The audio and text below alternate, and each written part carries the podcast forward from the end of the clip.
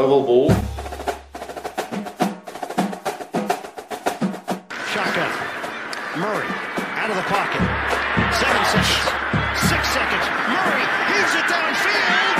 It is. Oh, it's caught. It is caught. DeAndre Hopkins. Miraculous. play in the NFL. I think I play in the NFL. I think I play in the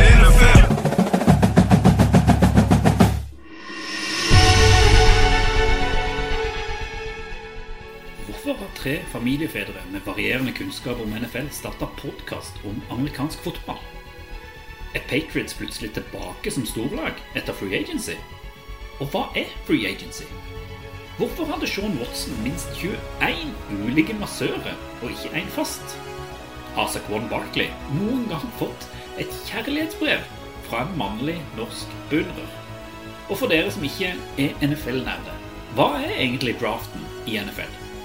Alt dette pluss faste spalte som Ukas flagg og Ukas anbefaling i den første offisielle sendinga av Norges nyeste podkast om amerikansk fotball, Oval ball.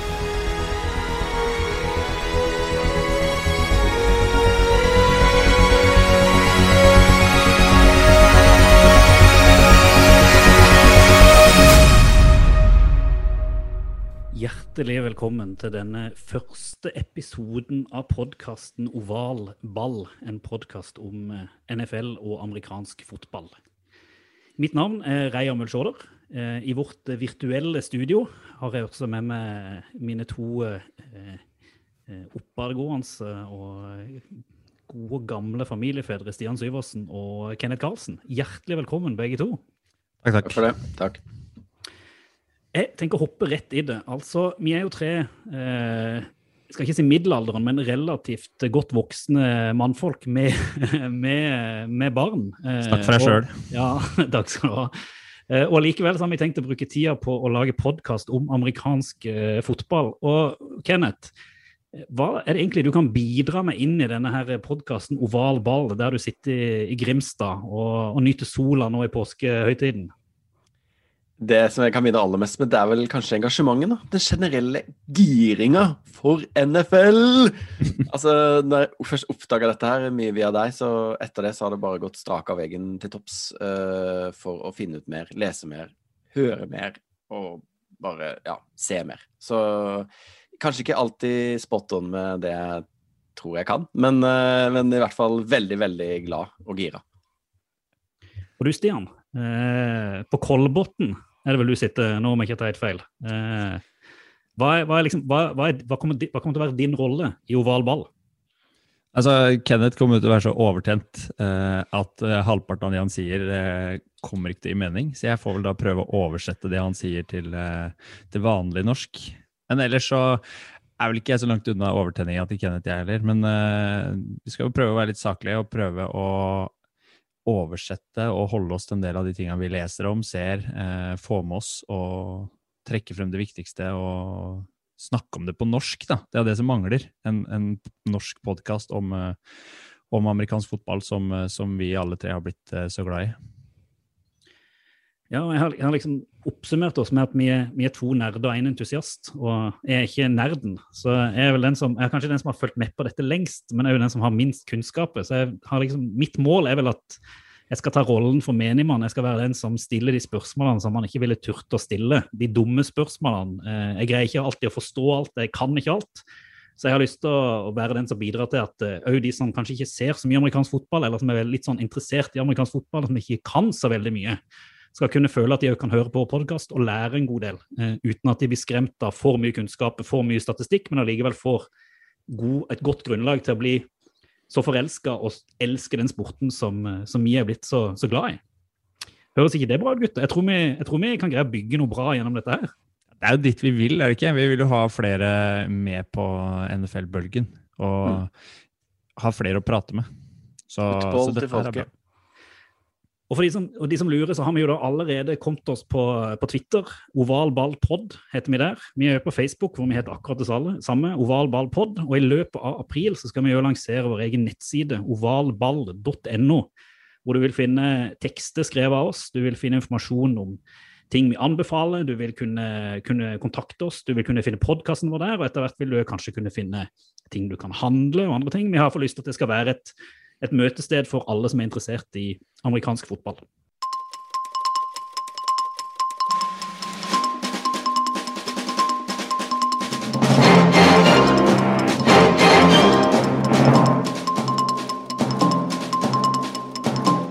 Hver uke i Oval ball så tenker vi å gå litt gjennom hva som skjer i NFL eh, siden sist. Eh, og denne gangen har det skjedd ekstremt mye siden det er første episode, så vi skal ikke oppsummere alt sammen. Men det som kanskje har vært hovedfokus de siste månedene, i hvert fall den siste tida, det er free agency. Og Kenneth, bare sånn før vi går inn og prater litt om free agency, kan du fortelle eh, oss som ikke er så bevandret i amerikansk fotball, hva er egentlig free agency? Ja, altså Free agency For å begynne med det første først, da, så er jo sesongen i gang nå, for de som lurer på det. Den eh, begynte 17. mars. Da er det start of a new league year, som det heter. Eh, og Det er også begynnelsen på free agency, dvs. Si spillere som da ikke har signert ny kontrakt med sin nåværende klubb, som altså er på utgående kontrakt. De kan da signere med hvem de vil i NFL. Eh, og um, i år har det jo vært uh, ganske mye som har skjedd. Jeg har jo ikke så veldig mye historisk erfaring, så jeg vet liksom ikke hvor mye det egentlig er som har skjedd.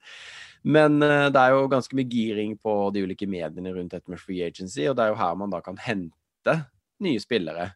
Uh, utenom det som da er draften, da, hvor man henter de unge fremadstormende nye college-spillerne. Så er det jo å hente folk som har gått uh, kontrakten sin ut hos et annet lag.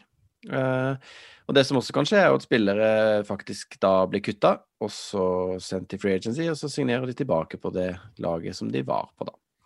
Uh, starten på ligaåret er jo også da alle lagene må være under den berømte salary capen, eller lønnstaket, som jo er potensielt umulig å forstå for menigmann. Jeg tror ikke noen av oss har klart klart å komme rundt hele dette opplegget her. Men det er altså alle klubbene må ha det samme lønnstaket. De, betale, de kan betale så og så mange millioner dollar i lønn. Jeg tror det er nær, i år på 185, og den har jo da gått ned. Eller 182 eller noe. Den har gått ned siden i fjor. Ja, 182. Ja, den har gått ned siden i fjor pga. korona og mangle, fallende inntekter. Som jo har gjort eh, klubbene litt mer desperate. Eh, for denne jo, går jo vanligvis opp. Og da får man jo gjerne mer, mer spillerom, da. Eh, mens i år har man da fått mindre spillerom. Og dette har jo da ført til eh, Noen mener at da har flere spillere blitt kutta. Eh, og det jo, har også blitt verre for lag å på en måte komme i mål med å komme seg da under. da. Vi har jo hatt lag som Saints og Bears for eksempel, da, som har, har på en måte ligget høyt over. Men da er det jo masse forskjellige ting man kan gjøre. Man kan restrukturere kontrakter, som er veldig vanlig. Da tar man pengene, og så man de kanskje, betaler man de kanskje ut i en sånn sign-on-fee istedenfor å ha det som en grunnlønn. Eh, og da kan man da, selv om man betaler det ut nå, så kan man forskyve da selve greia, eller avskrive den på hele kontraktslengden, da. Så det er jo egentlig eh, Ja, det er veldig rart, egentlig, alt sammen.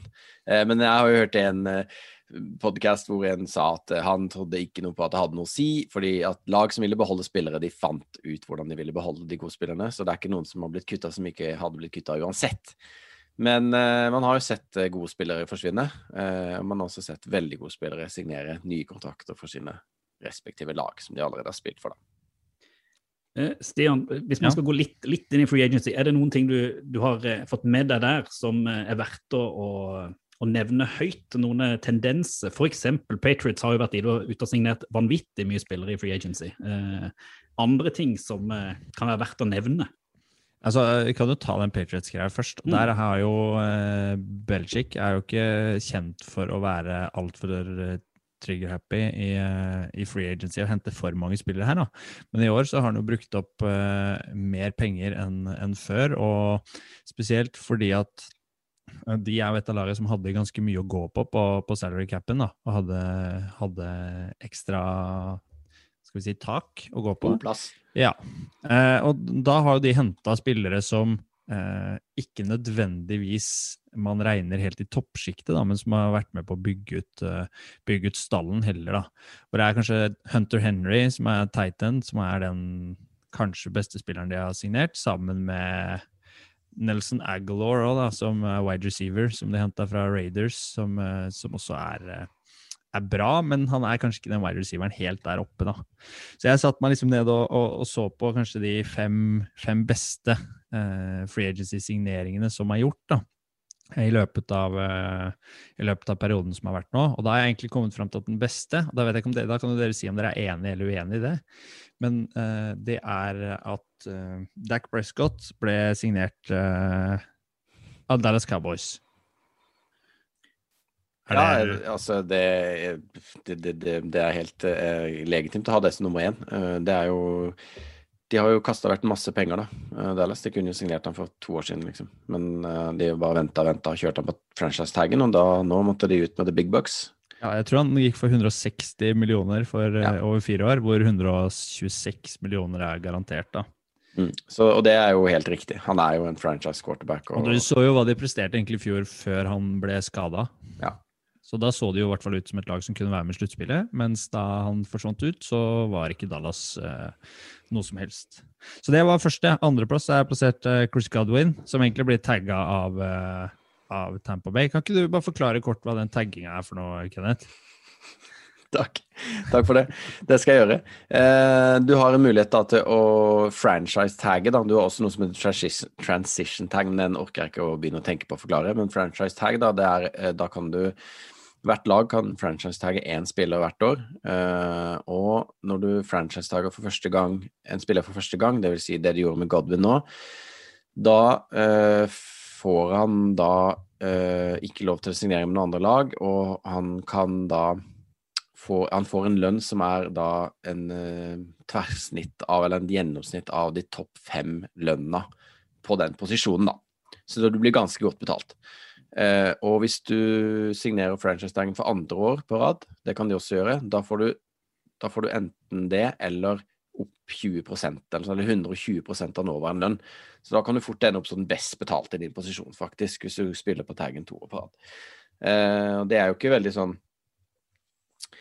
Ja, det er Man har jo eh, ulike meninger om, om den franchise- franchise-taggen, da. For det er jo tror man jo også at ok, du blir tagga i ett-to år, men så etter hvert eh, holder du deg skadefri og presterer ålreit, så, så pleier du å lande en, eh, lande en kontrakt som, som er eh, decent og langvarig, da.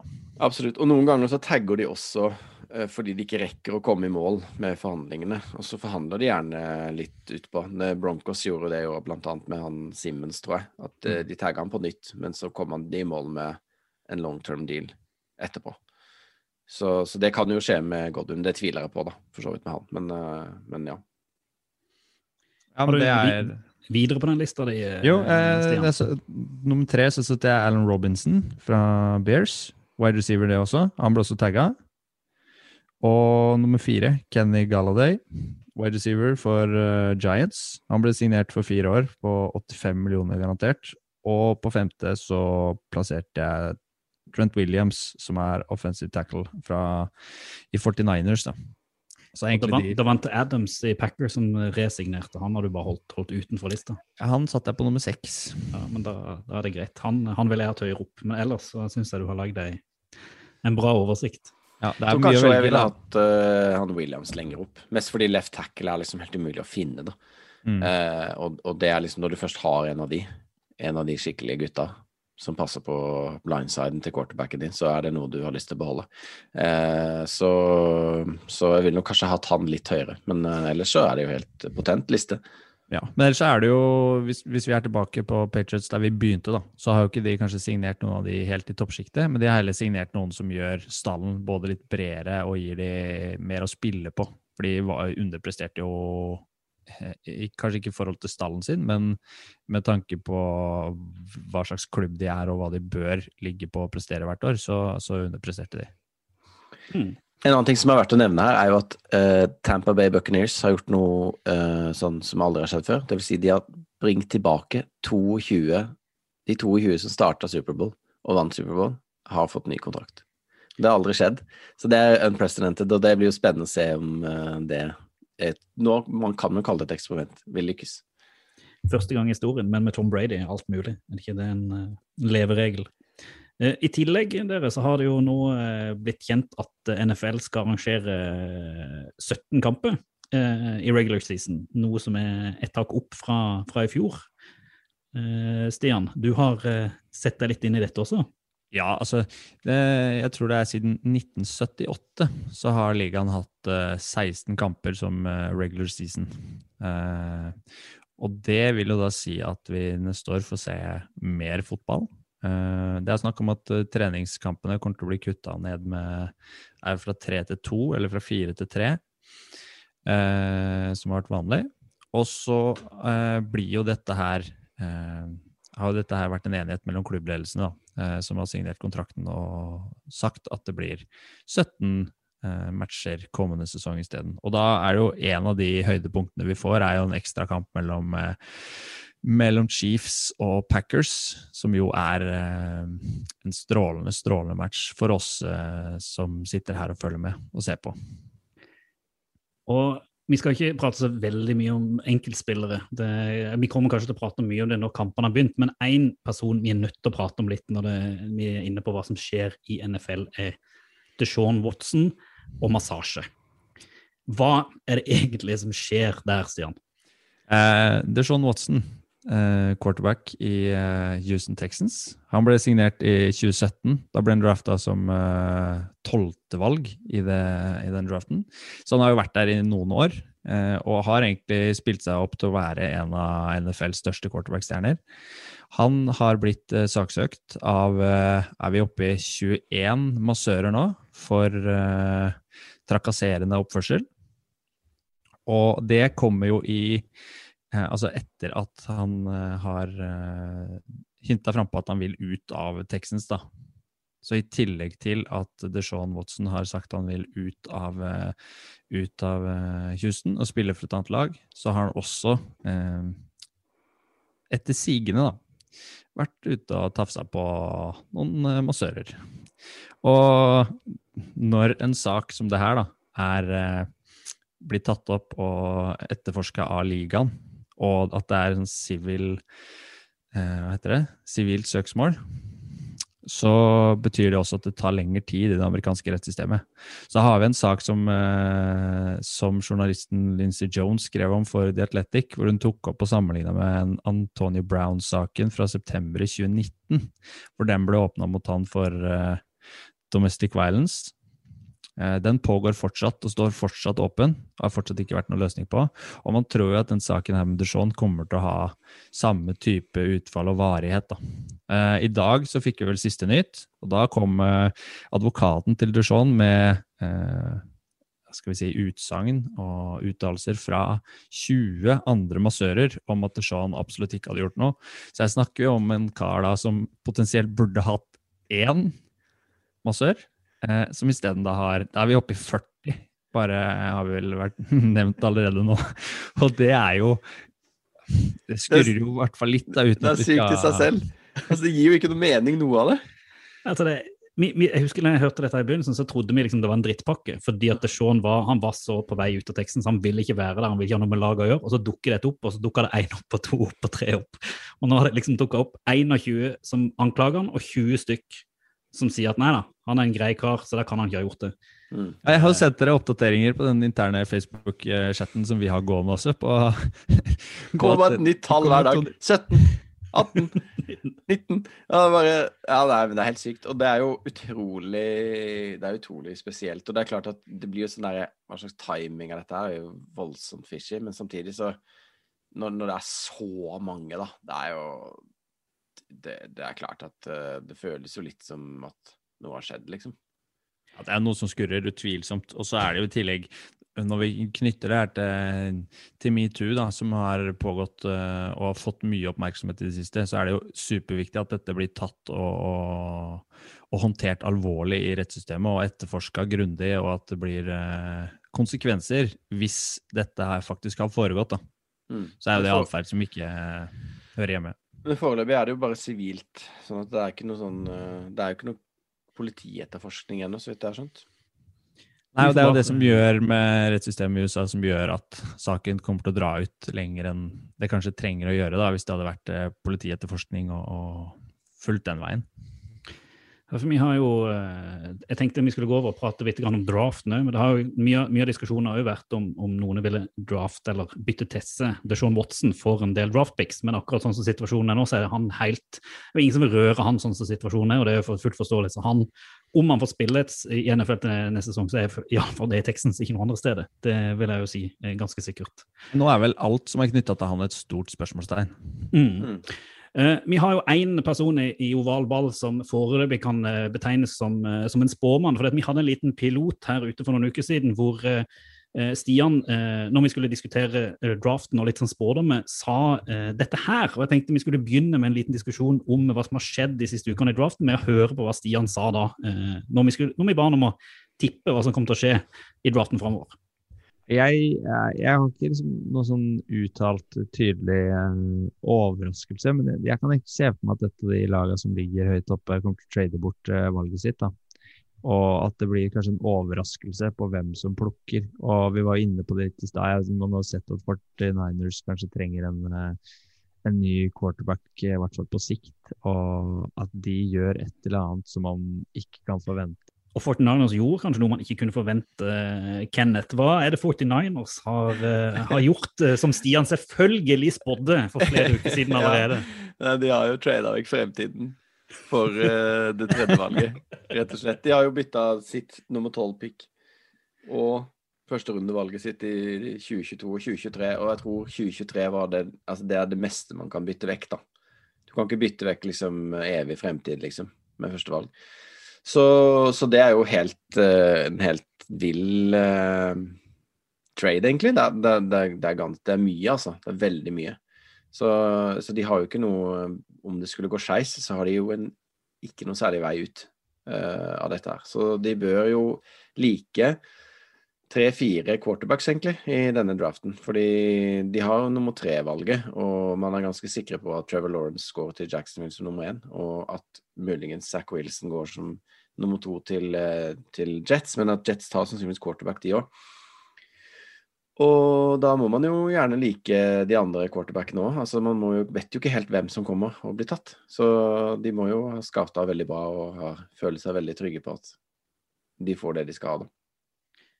Og det er jo ikke det eneste som har skjedd, fordi at etter at Miami ga bort sitt eh, tredjevalg, så tok de seg en tur til Eagles eh, og gjorde en trade. Og dermed så fikk de tilbake sjettevalget sitt. Eller de fikk et sjettevalg i draften, som gjør at de snudde litt rundt på, på dette, Stian. Eh, og da er de kanskje inne på å hente det de hadde tenkt å hente likevel, selv om de trader vekk tredjevalget sitt.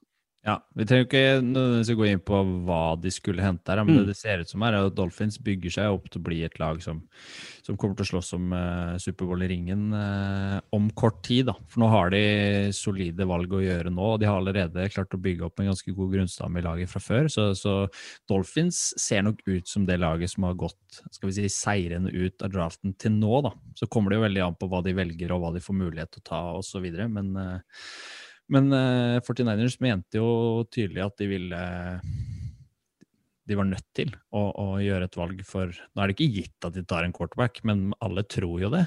eh, Ja, du, du, du, du sender jo ikke vekk hele fremtiden din for noe annet enn en quarterback. Nei, de gjør nok ikke det uh, her. Uh, og Shannon var jo klar på at de hadde, de hadde lyst til å gjøre det, og da gjør de det. Og da, da gjør de det de mener er nødvendig da, for å være med i, uh, i racet. Og det var jo kanskje det som satte de litt ut i sesongen som var, at uh, Jimmy Garoppolo ble skada, og at de ikke Mm. fikk spille sitt Mm. spill, da. Og sette de systemene som Shannon-systemet er avhengig av å ha. Men Ja, og jeg, skal, tror jo, ja. jeg tror jo også at, at man kan være ganske sikker på at de har ringt eh, Jets først og spurt om de kunne få nummer to. Og det fikk de jo ikke lov til, antageligvis. Eller mest sannsynlig. Og det tyder jo også på at Jets kommer til å velge quarterback. Det er jo ikke noe annet, De kan jo ikke tolke det noe annet. Fordi vil, de, Hvis Jets ikke hadde valgt quarterback, så hadde de jo ikke sittet på det andre valget sitt i en såkalt quarterback heavy draft. Så jeg tror quarterbacks topp fire, kanskje topp fem picks. Den spådommen skal jeg holde til, til rette for. Jeg kan jo si at det samme spådom som Stian eh, spådde at eh, 49ers skulle trades opp, så tippa jeg at Jets ikke skulle velge quarterback. Så jeg tror kanskje ikke jeg skal satse pengene mine på, på spåinga her, at det skal Stian få lov til å Nei, Vi har jo drevet og tippa litt sånn eh, ved siden av her òg. Åssen har det gått for din del? Det har gått, det har gått i minus, det kan vi godt si. Eh, Men det, det jeg tenkte, det, det vi skal prøve å gjøre her i ovalball, i hvert eh, ja, prøver i hvert fall å gjøre hver uke, det er at eh, selv om vi er allvitende, eh, i alle fall dere to, så har vi lyst til å anbefale litt eh, ting, eh, om det er podkast, om det er bøker, om det er mennesker, om det er ting som har skjedd, eh, til våre lyttere. Og, og i dag så eh, er det du som har fått ansvaret, Kenneth, til å fortelle oss om ovals, ovalballs ukentlige anbefaling. Og hva er det? Eh, Ja, det er jo tidenes første anbefaling fra ovalbanen, og da har vi valgt å gå til eh, podkastverdenen. Eh, nærmere bestemt til Move the Sticks podcast, som er en podkast av Daniel Jeremiah, han er draft analyst i NFL Media, og Bucky Brooks, som jo er en writer der. Begge to er tidligere scouter. Eh, og deres podkast handler jo uh, veldig mye om draften, egentlig. Om college-spillere, om prospects og nye navn og fjes man kan se i ligaen i årene som kommer, da. Uh, samtidig så analyserer de veldig mye, både plays og snakker om overganger som er gjort, og det er generelt sett et veldig sånn utrolig fint sted å lære mer. Så, så det er en av de podkastene som jeg hørte på først. eh, Og da var veldig mye gresk. eh, Men etter hvert som man kommer inn og blir litt kjent med navnene, så, så er det en fantastisk gøy podkast å høre. Eh, Jeremiah er jo kanskje en av de viktigste på en måte draftsfolka i NFL, hele sirkuset, da. Har en veldig aktiv Han er veldig aktiv på Twitter, har 350 000 følgere ish. Har jobba i Baltimore, eh, har jobba i flere store klubber. Han er eh, color commentator for Chargers-kampene, dvs. Si han kommenterer som sånn eh, ekspertkommentator på hjemme på alle kampene til Chargers. Uh, ja, har generelt høy grad av peiling. Da. Og det samme har Bucker Brooks, som jo er tidligere skapt. De har masse gjester. De uh, reiser rundt og intervjuer college-spillere. Så man liksom får et veldig sånn innblikk i, i hele sirkuset, da. Eh, og det er, det er liksom eh, Det er rett og slett en lærepod, da, vil jeg si. Hører mye på den for å liksom oppdatere meg på hvilke spillere man kan forvente å se, osv. Og, og liksom hvor systemer og hvordan de ulike coachene tenker, osv. Jeg som er, eh, er vårt virtuelle studios eh, rookie, eh, fikk jo den anbefalinga av deg, jeg også, Kenneth, på å høre på. Og jeg må si at du, du får jo, som du sier, innblikk i både posisjoner og spillere og hvordan man skal tenke. Da. Man har jo lett for å se eh, på spillet, og så ser man liksom at de gjennomfører enkelte trekk, eh, gjør enkelte utslag. Men de snakker jo f.eks. om når de snakker om quarterbacker, da, så snakker de om hvor, de, hvor ser quarterbacken f.eks. Hvor går blikket? Altså De går dypere inn på og, og forteller oss som hører på, andre faktorer da, som ikke vi legger like godt merke til når vi sitter og ser kamper på TV.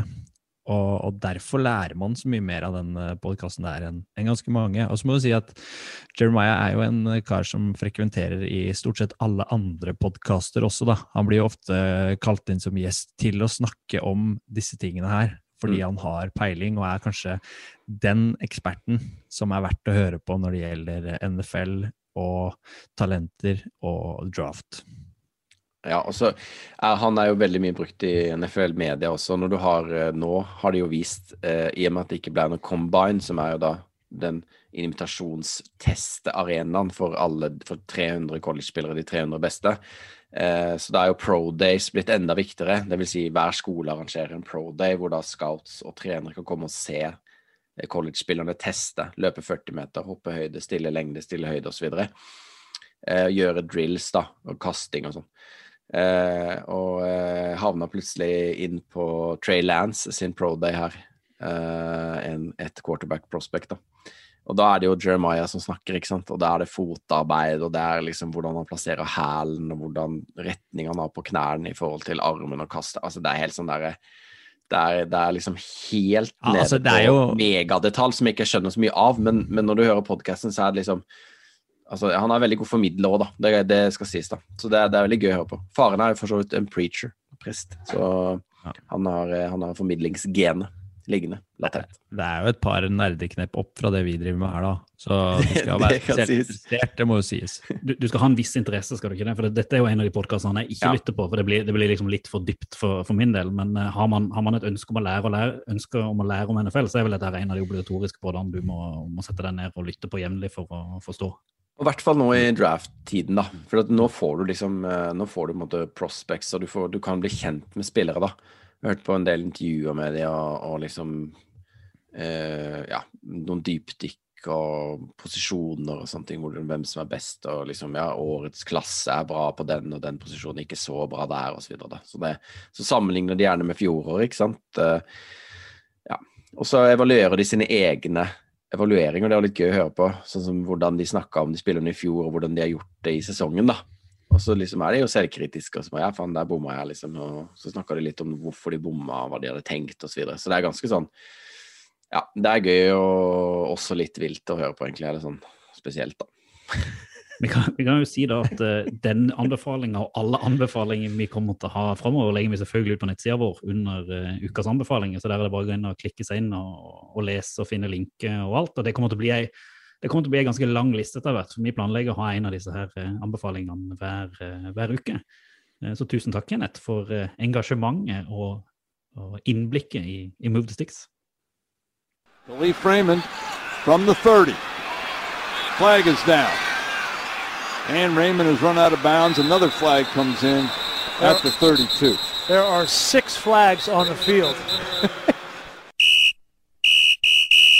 Hver uke i ovalball så tenker vi å gå inn i en spalte som vi kaller Ukas flagg, hvor vi skal prøve å beskrive litt de reglene som finnes i amerikansk fotball, og der er det ganske mange. Grunnen til at vi kaller det Ukas flagg, er rett og slett fordi at det er flagget som brukes som, som fløyte i NFL. Om det går å si. Eh, Kenneth, før vi bare går inn og beskriver dagens regler, eller dagens regler, eh, så bare lurer jeg litt på, kan du liksom på en enkel måte beskrive litt hvordan det dømmes i NFL? Hvordan det er satt opp? Det kan jeg. Det er jo uh, mange dommere. Det er sju dommere i NFL. Og dommerne er plassert i Ja, man kan jo kalle det en sirkel, egentlig, rundt alt som foregår på banen. Eh, og du har hoveddommerne, som heter referee, og så har du en umpire, og så har du en down judge, en line judge, en field judge, en side judge og en back judge. Alle dommerne har flagg som de kan kaste hvis de ser en forseelse bli begått.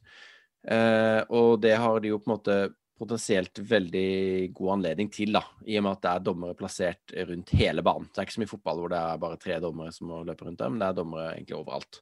Eh, så, så de får med seg faktisk eh, overraskende mye, vil jeg si, av det som skjer på banen. Så har jo i tillegg dommerne eh, De er utstyrt med mikrofon. Så de legger jo også opp og leser opp enhver eh, forseelse som blir begått, da, eh, og et flagg som blir kasta. Det blir også forklart da, av dommerne underveis. Så er det vel sånn at Hvis de til og med kaster vekk flagget sitt, så har de capsen sin på hodet. Sånn at den kan jo brukes som flagg hvis de er tomme. Bare sånn at de har en, en ekstra eh, mulighet for å si fra at her har det skjedd noe, noe feil. Mm. Og så hiver de jo alltid flagget høyt opp i lufta, sånn at eh, alle kan se at eh, her har det skjedd noe. Spesielt både publikum og trenere på hver sin side av banen. Så så det er egentlig litt sånn fine bevegelser. TV-sport, altså. I dag tenkte jeg da at vi skulle prøve å starte relativt enkelt med å eh, ta en av de reglene som skjer kanskje altså, før spillet er i gang.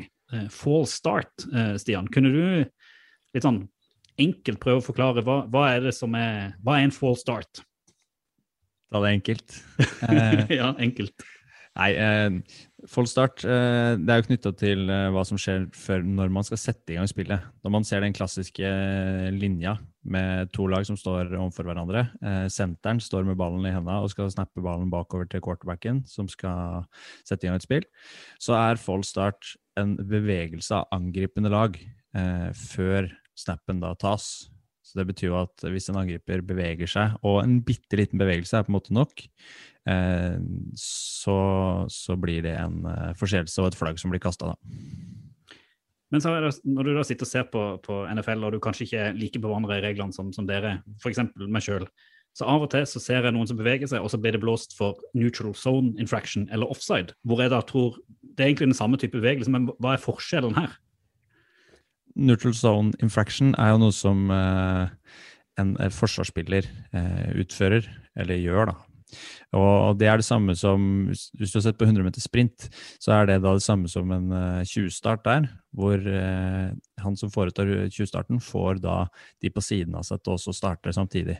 Og det er det som skjer, at en forsvarsspiller beveger seg nok til at han forårsaker en bevegelse hos eh, angripende lag, og da kalles det for en neutral zone infraction. Så det vil da bety at offsiden eh, da er at en forsvarer da greier å bevege seg, men han beveger seg ikke tidlig nok, så snappen går, men da er han på en måte over line of scrimmage, og så går spillet. Men så, så kastes det flagget likevel, så venter man til på en måte den playen er ferdig, og så kan man da blåse for en offside hvis det viser seg at uh, det forsvarende lag har fått en, en fordel av det playet. Er det forstått riktig, da? Ja, Hmm. stemmer. Ja, men se det. Da, da har vi i hvert fall fått greid å forklart noe, og så håper vi at vi skal komme tilbake til Det er jo så mye regler, så vi har denne spalten kan vi fylle de neste fire årene. Eh, Det kan nok. har- Og så skjer det jo endringer av reglene stort sett hvert år. Så det er alltid noe nytt å gripe fatt i.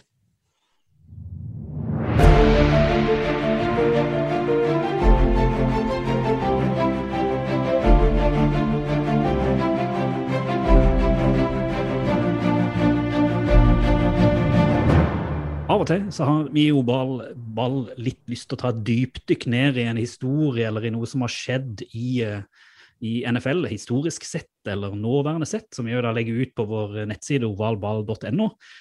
Og vi nevnte jo i introen vår i dag at uh, vi, vi lurte litt på om Sekpon Barkley noen gang hadde fått et kjærlighetsbrev fra en norsk mann. Og Kenneth, uh, hva er egentlig svaret på det? Svaret er ja. Nå har han det. Norsk middelaldrende mann med kone og barn. Har lagd et kjærlighetsbrev. Har du Ja. lyst til å utdype litt? Grann? Ja, altså denne kan jo leses på ovalball.no. Eh, og det er jo Teksten heter 'Min første college-kjærlighet'. Min første kjærlighet med college, i parentes. Eh, og det handler jo da om Saquon Barkley, running back til New York Giants, eh, tidligere Penn State, som eh, ble eh, drafta i 2018. Som jo var da min slags ilddåp til draft. Eh, det var jo den eh, gangen Baker Mayfield gikk som eh, nummer én. Men det var liksom Saquon som kickstarta det litt for meg, da. Når jeg oppdaga at det lå highlights på YouTube, og man kunne begynne å lese litt om spilleren og hvem var denne personen, og snakka om som den beste spilleren i det årets draft, da.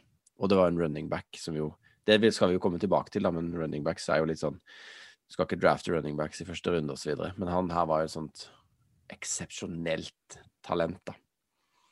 Eh, som du kan både lese om og se da på Valball, fordi jeg har lagt med en liten video. Stian? Eh, det er morsomt å, å se på deg når du snakker om det. Nå sitter jo vi på, på Zoom og har den her, men eh, du lyser liksom opp og blir en sånn 14 år gammel forelska jente når du skal fortelle om Sekwan. Ja, så, men liksom når du ser han bare eh, på, Og college er jo liksom Forskjellen er jo litt større på college, da, for Penn State møter sikkert sykt mye crap da, i den serien de spiller i. Eh, men han bare, han bare løper over folk. Han løper rundt dem. Han, han skifter retning så usaklig fort. Altså, det er Ja, det er helt eh, Det er ganske vilt å se på, da. Det er veldig gøy eh, å se disse college highlightsene av og til. For du får liksom bare Da får du virkelig se hva slags atleter de er, da. For da, da spiller de på en måte mot folk på samme alder, men ikke nødvendigvis like gode, da. Så når de kommer til NFL, så er de jo liksom alle dritgode. Men eh, i college så får du se forskjellen på spillerne, liksom. Hvem de gutta der, de, de som bare er best, de er så svingode, liksom. Så det er, ja. Altså, jeg, jeg tror det er første gang jeg har hørt noen liksom tilbe lårene til en idrettsutøver siden Johan Olav Koss vant Lillehammer i 94. Altså. Så, ja så her, altså, var du, og her, der, her var du Vi har jo en sånn intern eh, messengergruppe, og, og der har det vært mye det har vært mye hjerte og tilbedning av Sekwon eh, før den draften, i alle fall. Det må bare sies. Så den teksten den, den gir et veldig godt inntrykk av hvor, hvordan du føler det. For en mann langt der borte som er veldig god til å løpe med en oval ball. ja, Hvor var altså, i år, Kenneth? Mm? Sekwan, hvor var han i år? I år, ja, I år var han jo egentlig stort sett skada. Så det er jo ikke nødvendigvis sånn at det blir noe av alle sammen. Men han, eh, han blir noe av, tror jeg. Altså, han kommer tilbake og er jo bare steinbra. Han var jo kjempegod første år. Ble vel rookie of the year, tror jeg. Ja, helt fantastisk. Eh, Så, så ja, han, er, han er verdt eh, å bruke noen minutter. Kanskje ikke nødvendigvis å lese om på ovalball.no, men i hvert fall eh, for å få et innblikk i den lille videoen jeg har lagt ut. Eh, Han eh, er rett og slett kjempebra. Og jeg tror jo eh, når vi skal komme videre til neste sending om draften, så får man jo litt mer sånn innblikk i hva disse ungguttene faktisk gjør. Så gå inn på ovalball.no og så eh, sjekk ut Kenneths eh, kan man si kjærlighetsbrev til Sekvon eh, Barkley. Vi begynner å nærme oss slutten på den aller første episoden av Oval ball. Eh, Og da har vi jo lyst å gi et lite frampek om hva vi skal bruke iallfall neste episode om. Eh, Og det er at vi skal prate mye om draften. Veldig mye om draften, rett og slett. Men jeg må jo spørre, sånn som jeg har gjort tidligere, fordi at vi har prata mye om draften i dag. Vi skal prate veldig mye om draften i neste episode. Men Kenneth, for oss litt sånn uinnvidde, kan du, kan du gi et lite bilde på hva er, hva er draften i NFL? Hva er greia? Greia er jo at det er jo på en måte I vanlig fotball andre idretter så kan du kjøpe spillere og sånn, men i, i amerikansk fotball så er det jo det mest sosialdemokratiske som fins. Det, dette er jo egentlig alle amerikanske sporter generelt. Det er jo at det dårligste laget året før kan velge den potensielt beste spilleren året etterpå. Det vil si at har du vært dårligst, så får du velge først i draften. Eh, eller eventuelt, hvis man skal bruke et norsk ord på det, utvelgelsen. Altså med bestemt form. Dette er liksom gullbilletten til amerikansk ungdom eh, til et liv som idrettsutøver, rett og slett. da. Du kommer fra college. Du trenger faktisk ikke være collegeutøver, men du må være tre år siden du gikk ut av high school. Så kan du begynne å spille i NFL, faktisk. Eh, nå kommer de aller fleste fra college, da. Eh, og da har de spilt tre, fire eller fem år, antageligvis. Eh, og de må erklære seg sjøl eh, eligible i, innen en eller annen dato i januar. At de skal kunne bli drafta det kommende året. Eh, og så er det jo syv runder, hvor hvert lag har et valg da, i hver runde, og det går i den samme rekkefølgen i hver runde. Som utgangspunkt, da. Eh, så nå i år så er det Jackson og Jaguars det dårligste laget, og så er Tampa Bay Buccaneers det beste laget. Så de Jackson vil velge først, og Tampa velger som nummer 32, og sånn er det i sju runder. Første runde så er man jo på en måte Har man litt bedre tid til å velge. Da tror jeg det faktisk er eh, 15 minutter, eller er det 10, jeg husker ikke helt. Og så eh, og Det er første dagen, da er det bare første runde. Og på dag to så er det runde to og tre, og da har man mindre tid på klokka for hver gang man skal velge. Og så er det de andre rundene på dag fire, tror jeg. Da, må du liksom, da har du fem minutter eller sånt på å velge. Hvis ikke så går valget videre til neste lag. Stian? Ja, fascinerende liksom, med, med draften, syns jeg, da, er jo hvordan liksom, alt i USA eh, i den idretten her blir målt og veid. Og liksom, du får statistikk på alt, da, stort sett av alle spillere. Og du nevnte Combined i stad, hvor de som skal draftes, får lov til å vise seg frem for, for eh, speidere og for trenere for å eventuelt bli drafta. Så har du i tillegg sånne rankinger som gjøres på spillerne, som sammenlignes fra år til år. da. Og det, den draften som gjelder for i år, så er vel uh, Klassen er vel rangert som litt over middels, men fortsatt ikke liksom en sånn fantastisk eh, årgang. Men så har man noen spillere da, som kanskje er uh, bedre enn tidligere. For det, det vi tenkte vi skulle gjøre neste uke, det er rett og slett å sette opp en mock draft. Det er jo en uh, ting som alle NFL-interesserte uh, gjør på denne tida av året. Det flommer over av mokker på nettsider og i pod og alt. Og vi skal jo lage, lage vår egen Vi skal ikke gå inn på hvilke spillere vi tenker å velge, men jeg lurte på om eh, en av dere kunne sagt litt om hva, hva, er liksom, hva er det som er spesielt med årets draft, kanskje skiller fra noen av de draftene som har vært tidligere? Det kuleste nå er jo at uh, vi var inne på 49ers som trada opp, da, som betyr at de, de valgte jo bort et uh, uh, Valgte et nytt valg, skal vi si det? Det er dårlig formulert, egentlig. men, men de, de gjorde seg de, mulig til å velge som nummer tre istedenfor nummer tolv, som var utgangspunktet. Og Det betyr jo at uh, det er en spiller de sannsynligvis har lyst på, eller en posisjon de har lyst til å forsterke. Da. Og Det vi har sett ut fra analyser og, eh, og rapporter som kommer fra både NFL og, og college, er jo nettopp at det er en quarterback-linje der, og i hvert fall fem navn da, som merker seg ut veldig som å være potensielle startere, og som har et, eh, et høyt toppnivå. Og har ulike styrker og, og egenskaper. Men, men uh, Kenneth nevnte, den, nevnte Trevor Lawrence i stad, som jo er uh, kanskje klart førstevalg for, for, Jacksonville, men bak der så er man veldig usikker helt på hva som kommer til å skje. Da. Og det er spesielt spennende ved årets draft. Hvem, hvem går som de fem første valga, f.eks.? Så er det jo ikke bare det at det er, det er, gode quarterbacks i draften, men det er jo også lag, mange lag, som uh, potensielt trenger en ny quarterback, uh, om ikke nødvendigvis akkurat i år, så neste år eller året etterpå. Sånn at uh, i en draft som denne, hvor det er mange gode quarterbacker, så får man fort bevegelse, da. At det er flere som har lyst til å trade opp for å være sikker å kunne velge en av de potensielt gode. Et siste spørsmål, for Vi har jo sett nå for at 49ers plutselig trader seg opp. og Vi skal jo sitte og jobbe med denne mokken nå fram til neste episode. Men altså, ser dere mulighet for at det kan skje masse endringer i den rekkefølgen nå fram til, til vi har klar vår mokk, eller tror du at nå er har det roa seg litt, at vi ikke liksom kan regne med at de som har tredje, fjerde, femte og sjette valg, vil ha det òg om to eller tre uker? Det er i hvert fall sånn at flere lag har lyst til å styrke quarterback-posisjonen sin. da. Uh, Denver Broncos er nevnt, uh, Carolina Panthers er nevnt. Så du har to lag som potensielt vil vil være med og kanskje se om de kan, kan få gjort noe med den posisjonen. Eh, men da krever jo det nesten at de kommer inn topp fem, skal de ha mulighet til å velge noen av de beste. Så, så to lag i alle fall som kan gjøre det, eh, tenker jeg er et greit utgangspunkt å se på. Og så ser du jo liksom at eh, at sannsynligvis nå, da, så er det jo fire lag på 1, 2, 3, 4 som både trenger og som mest sannsynlig kanskje vil velge quarterback, da. Så det, det, skal litt til å komme inn på noen av de. Nå har jo, nå har jo allerede 49ers trada til seg nummer tre, så den er jo på en måte ferdig. Og at Lawrence skal til eh, Jag Jaguars, er jo opplest og vedtatt.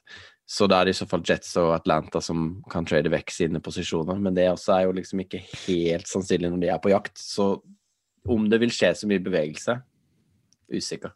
Men man kan liksom aldri være sikker da, Kenneth, på, på, hva de faktisk tar. da. Jeg vet ikke hvor mye kontakt de har internt der, men, men de holder jo liksom korta ganske tett i brystet, på, på særlig førstevalget kanskje, på, på, hva de har lyst til å ta. Og jeg tror nok, eh, selv om de fleste som ligger i toppen, kommer til å velge quarterbacker, så, så er det fortsatt en viss prosent sjanse for at de gjør noe annet. Absolutt, men jeg tror ikke vi kommer til å se så mye endring akkurat nå. Men akkurat på dagen så kan det fort skje. For da får man jo vite hva folk velger, og så bare oi, de valgte ikke han som jeg trodde de skulle velge. Vi prøver å komme opp dit. Altså det kan mange lag tenke.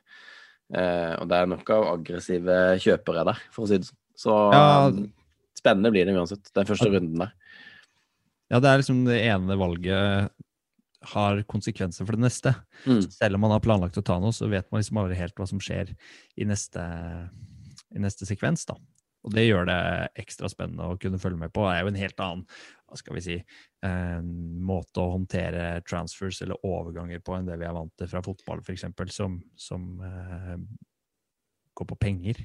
Her er det altså, jo rett og slett Jeg må jo si at uh, deadline day kan ta seg bolle sammenlignet med draft day. Altså. Det, må, det må bare sies. Det, det, du, liksom, du får fylt på på alle posisjoner på alle lag i løpet av en dag, istedenfor å sitte og vente på den ene overgangen som aldri skjer.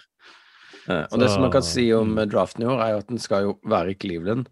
Uh, og de har jo åpna opp for at den skal være der. Altså at uh, ikke det skal være som i fjor, hvor uh, alle spillerne satt hjemme i sofaen til foreldrene, som i år så var sjarmerende på sitt vis. Men allerede nå har jo f.eks. Trevor Lawrence sagt at han kommer ikke til å reise til Cleveland. Han skal være på Clemson med noen nære familievenner. Så det vil nok bli en Zoom-basert eh, variant også i år, vil jeg tro. Jeg tror det blir, det blir spennende. Så det, det, er egentlig bare å følge med. Neste episode kommer vel til vi dedisere hele episoden, kanskje med et par unntak, til vår uh, mockdraft for uh, 2021. Det skal vi selvfølgelig legge ut på nettsida vår, ovalball.no. Følg med på Twitter-kontoen vår, ovalballpod, eller på Facebook med samme navn, ovalballpod. Så skal vi kanskje legge ut noen teaser der òg, og vi legger iallfall ut hele lista etter vi har spilt inn eh, neste episode. Eh, Stian? Ja, og så Gi oss gjerne en tilbakemelding. Det er jo premieresendinga vår, da, så vi vil jo gjerne høre litt hva, hva syns dere om det vi leverer her. da. Det er veldig hyggelig å gi en tommel opp, da. Det Ja, tom, tommel opp. Kritikk tar vi òg imot. Eh, har du lyst til å bidra altså på nettsida vår, det må vi si, ta kontakt. Har du lyst til å skrive? Har du lyst til å komme med innspill? Altså, vi, er, vi, skal, vi skal spre kjærlighet og gi kjærlighet og ta imot kjærlighet rundt amerikansk fotball. Så her er det bare alle innspill. Kom med de. Er det noen som har noen siste ord før vi rett og slett tar, eh, tar og legger ned ballen og calls it the day, gutter? Jeg er fornøyd. God premiere. Bra jobba, gutter. Enig. Takk i like måte. Da takker vi for oss. Så returnerer vi med Vi har jo spormannen på vårt, vårt lag her. Den med mockdraften som kommer til å slå alle andre mockdrafter, både fra USA, Europa og alle andre på det. Så se fram til neste episode, sier jeg bare. Så takker vi for oss nå. Så må dere ha en eh, god påske. Og så ser dere oss eh, og hører oss snarlig igjen.